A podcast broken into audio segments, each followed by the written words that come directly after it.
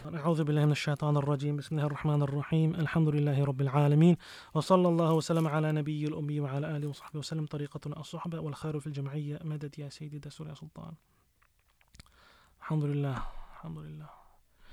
Wij vragen Allah subhanahu wa ta'ala om iets, om ons iets te geven.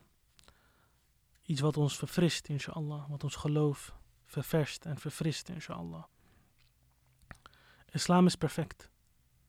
Er is geen perfectie buiten islam. Islam is de ware religie. En wij geloven in waarheid. En waarheid is belangrijk, want al-haq is een van de namen van Allah subhanahu wa ta'ala. En de profeet sallallahu alayhi wa sallam in de wijze waarop hij, je hebt de islam, de inhoud, maar de wijze waarop hij het uitlegde aan de metgezellen, was door middel van sohba. En het woord sohba, sahiba, sohba betekent dat je samen met elkaar komt en dat je elkaars gezelschap houdt. Dat is sohba. En de metgezellen van de profeet sallallahu alayhi wa sallam worden geen ministers genoemd, of apostelen, of uh, werkers, of wat dan ook. Ze worden metgezellen genoemd. Sahaba, diegenen die in zijn gezelschap waren. En een ieder die de profeet sallallahu alayhi wa sallam in levende lijven heeft gezien en in hem heeft geloofd, behoort automatisch tot de beste der mensen. Omdat in het geloven in de profeet sallallahu alayhi wa sallam en in hem kijken, subhanallah, zoveel mensen geloven in boze oog. Als je slecht naar iemand kijkt. Maar je hebt ook het goede oog. Allah subhanahu wa ta'ala zegt, innaka bi a'yunina. Dat ons oog, figuurlijk, is op jou gericht. Dus dat is dat is een speciale zorg van Allah aan een persoon. Dus als iemand de profeet ziet en de profeet kijkt naar een persoon en die persoon kijkt terug en hij gelooft in het oogcontact, da, da, dan gebeurt daar iets. En daarom kwam er een persoon kwam naar de profeet sallallahu alayhi wasallam, keek naar hem en zei dit is niet het gezicht van een leugenaar en hij werd direct moslim. En iemand wordt niet moslim door middel van allerlei argumenten. Bestaan van God, kosmos, universum. Die argumenten zijn er. Die bestuderen we. Sterker nog, het is verplicht om jouw religie te kennen. Om te weten dat Allah bestaat en om te kunnen onderbouwen zodat je niet twijfelt. Maar aan het einde van de dag zijn het niet de argumenten die jouw hart overtuigen. Het is iets wat Allah in jouw hart doet. Dus diegene wie Allah geloof heeft gegeven, imaan heeft gegeven, heeft een enorme gunst gekregen van Allah subhanahu wa ta'ala. En tariqa, wat wij doen, wij proberen de weg van de profeet sallallahu alayhi te volgen. Wij proberen bij elkaar te komen zoals de metgezellen bij elkaar kwamen. Niet zoals we ergens bij elkaar komen in een klaslokaal waar iedereen dezelfde leeftijd heeft. Of waarin iedereen hetzelfde kennisniveau heeft. Of hetzelfde beroep heeft. Nee, waarin er de absolute diversiteit is die je ook terugvindt in de islamitische gemeenschap. Zo had je bij de profeet sallallahu alayhi wasallam had je een handelaar, je had een vechter, je had een, een boer, je had, een, uh, je had notabelen. Je had, er was een, heel, een enorme mix van mensen. En wanneer de profeet sprak sallallahu alayhi wasallam, en dat is een van de wonderen van zijn woorden, kon iedereen er iets in vinden. Bu'ithtu bi jawami al-kalim, zegt de profeet. Ik ben gezonden met jawami al-kalim. Dat de woorden van de profeet zijn misschien drie woorden, maar die drie woorden, zijn zeeën aan betekenis. Zeeën aan zeeën. Daarom zeggen ze dat de hele islamitische wetgeving gebaseerd is op vier hadith van de profeet sallallahu alayhi. Vier dingen die hij heeft gezegd, daar kan je de hele religie op terug herleiden. Min husn al-islam al-mar'i tarkuhu ma la ya'nihi. Dat van de ihsan, van de schoonheid en tariqa eigenlijk ook, van het goede van iemands religie en perfectie van iemands religie, is dat hij laat wat hem niet aangaat. En een andere overlevering, dat de profeet sallallahu alayhi wasallam zegt, niemand van jullie gelooft werkelijk totdat hij houdt van zijn broeder, dat hij wenst voor zijn broeder wat hij voor zichzelf wenst. Yuhib, yuhib. Dat hij, hij houdt ervan dat zijn broeder dat krijgt. Dat wat hij voor zichzelf wenst. Een andere overlevering, wat halal is, wat toegestaan is, is duidelijk. Alles is toegestaan. Een paar dingen zijn verboden. Je laat die paar verboden dingen opzij. Drink geen alcohol, rook niet, geen uh, gemeenschap voor het huwelijk. Een paar dingen zet je opzij en je kan genieten.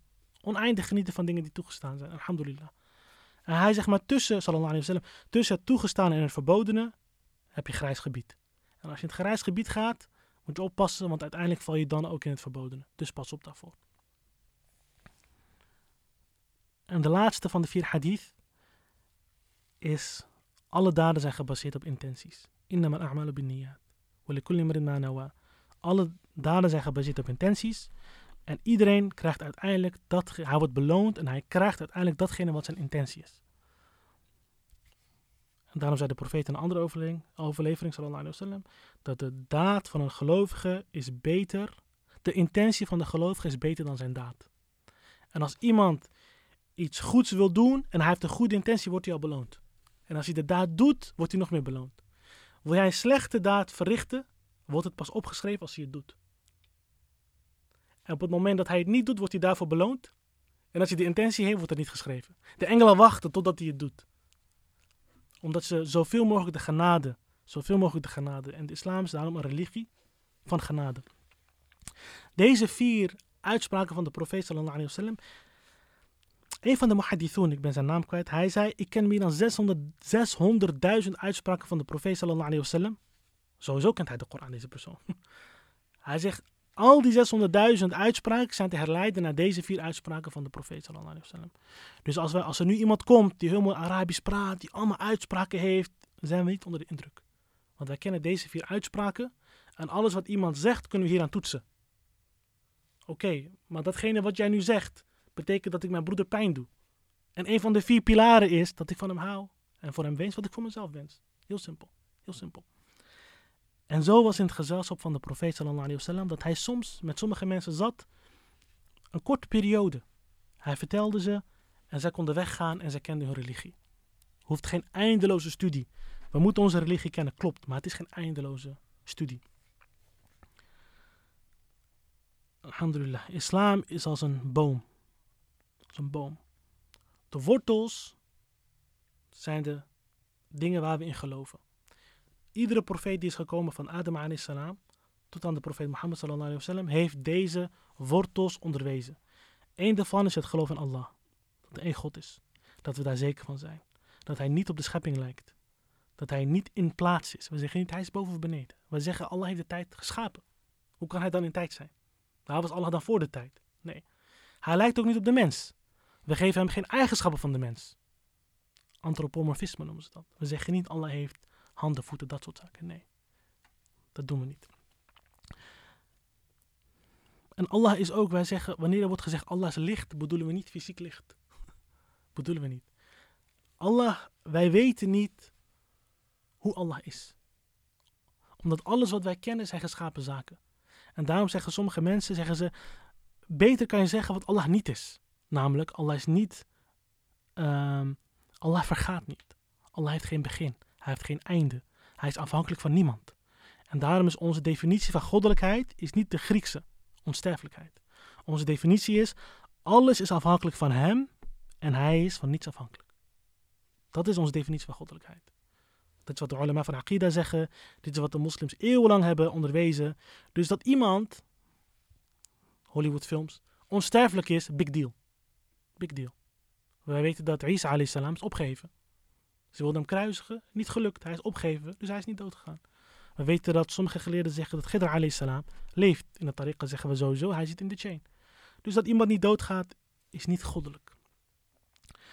Eerste pilaar van die boom is dus geloof in Allah. Tweede is geloof in de profeten. Het zijn perfecte mensen. Ze hebben geen zondes, geen fouten. Ze zijn het perfecte voorbeeld en toppunt van menselijkheid. En van alle profeten is de beste de profeet Mohammed wasallam. Hij is de eerste die is geschapen als profeet, maar in de geschiedenis van mensheid is hij als laatste gezonden. Want de profeet sallallahu alaihi wasallam zei, ik was al een profeet toen Adam, vrede zij met hem, nog tussen klei en water was. Hij werd nog geschapen en ik was al een profeet sallallahu alaihi wasallam. En alle profeten, en dit staat letterlijk in de Koran, alle profeten moesten getuigen, trouw zweren, de mithaq, dat ze als ze de profeet vrede hem zouden ontmoeten, dat ze hem zouden helpen.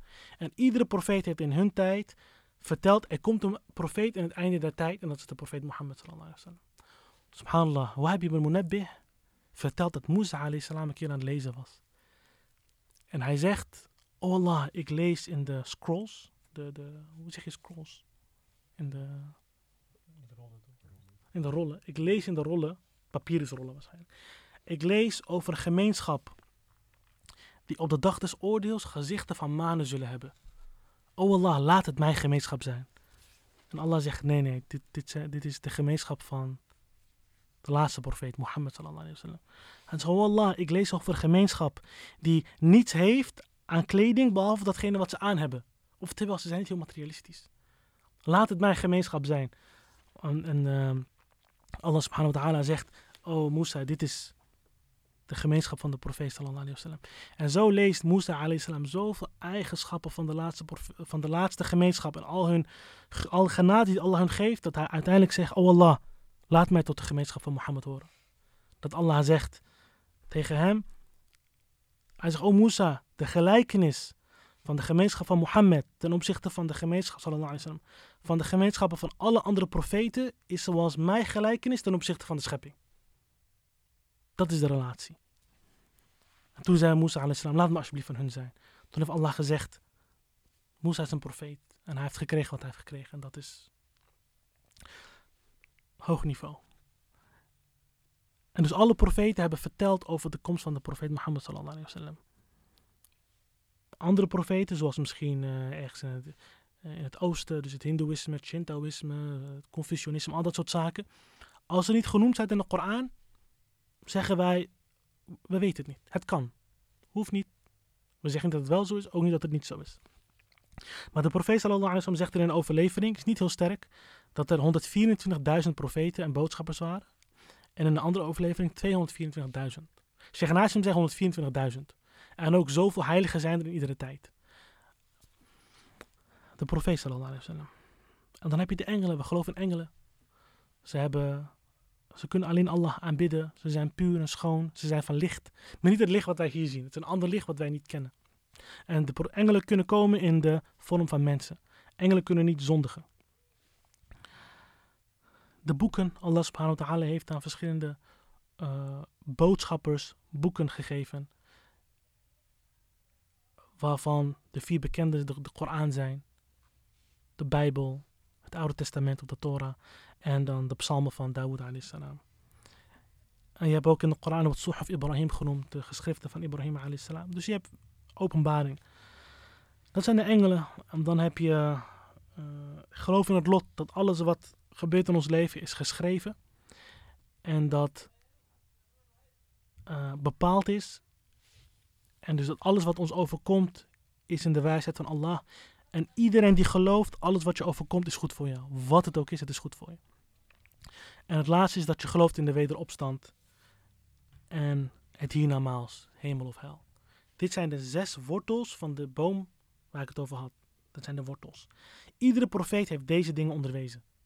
Dus Jezus, vrede zijn met hem, salam, in zijn tijd heeft hij exact deze vier dingen op deze manier onderwezen. Niet op deze manier, maar dit is de inhoud.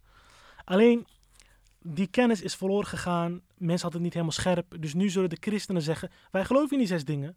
Maar die eerste, ons Gods beeld is anders. Wij zeggen, hij zegt: Ja, ik ben het helemaal met je eens. Maar God heeft wel een plaats, namelijk boven. En God is drie, hij is niet één. En profeten, ja, het is mooi wat je zegt. Maar we geloven dat ze kunnen zondigen. En dus ze geloven in die zes artikelen. Maar zij uh, geloven er op een andere manier in. Dus het is heel belangrijk het fundament van de islam zijn deze zes dingen en dat is jouw hart. Dus het maakt nog niet uit hoe iemand eruit ziet. Iemand kan een mooie tulband hebben, grote tulband. Als hij in zijn hart dit niet heeft, maakt het niet uit. Het gaat om echt in jouw hart. Uiterlijk maakt niet uit. En dan, als de wortels goed zijn, krijg je de vertakkingen. En de vertakkingen zijn de daden van aanbidding. Het gebed. Dat zijn de vijf zuilen. De shahada, dat je uitspreekt dat je gelooft in Allah. En de profeet Mohammed sallallahu alayhi wa sallam zijn gazant en boodschapper is. Dat je het gebed, dat je gelooft dat het verplicht is. Dat je gelooft dat de zakat, de armenbelasting verplicht is. Dat je gelooft dat je moet vasten in de ramadan. Als je niet ziek bent of niet op reis bent. En het vierde is, zo het laatste is dat je de bedevaart naar Mekka verricht. Als je daartoe in staat bent. Dus dat je daarin gelooft. Dat is voldoende. Als je het ook daadwerkelijk doet, gaan de vruchten komen. Dus je hebt die, de zes, uh, de zes uh, wortelen.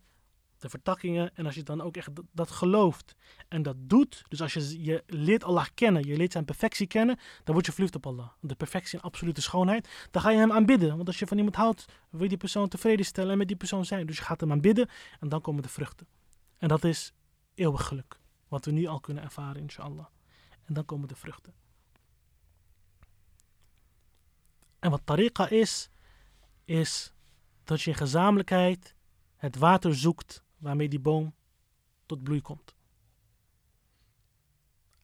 uiteindelijk is dit de samenvatting van islam. En is dit, dit zijn de geloofsartikelen, dit zijn de daden. Mogen Allah subhanahu wa ta'ala ons daarmee versterken in ons geloof. En de profeet sallallahu alaihi wasallam zei: Jaddidu imanakum bi qawlikum la ilaha illallah Muhammad Rasulullah. Vernieuw jullie geloof door te zeggen: er is geen God dan Allah en Mohammed is zijn, sallallahu zijn gezant en boodschapper. Zijn profeet en boodschapper. En een andere overlevering, diegene die oprecht zegt: La ilaha illallah. Er is geen God waard om aanbeden te worden. En de profeet Mohammed sallallahu alaihi wasallam is zijn boodschapper, gaat naar het paradijs. Zo simpel is het. Alleen om dat oprecht te zeggen, om daar te komen, die een pad af te leggen. Je die dingen te leren. Je leert, je leert de kneepjes van het vak, van het gebed. De uiterlijke dingen van het gebed. Wat moet je dan zeggen? Hoe zeg je het? Maar dan ook in jouw hart. Wat is je houding in het gebed? Denk ik, oh ik doe het. Ik ben aan het aanbidden. Of zie je dat Allah jou heeft, het gebed heeft geschonken. Allah heeft jou gekozen van alle mensen. Dat jij mag aanbidden. En word je daar arrogant door of niet? Dus dat pad heeft heel veel obstakels. En dat pad, het woord in het Arabisch voor pad is tariqa. Dat is wat wij proberen te leren. En daarvoor, net als alles in het leven, heb je iemand nodig die jou dat leert. Daarom zeggen ze de Arabieren, faqidu shay'i la ya'tihi. Iemand die iets niet heeft, kan het jou niet leren. Dus iemand die niet aanbidt alsof die echt met Allah is, kan het je nooit leren. Want hij heeft het niet.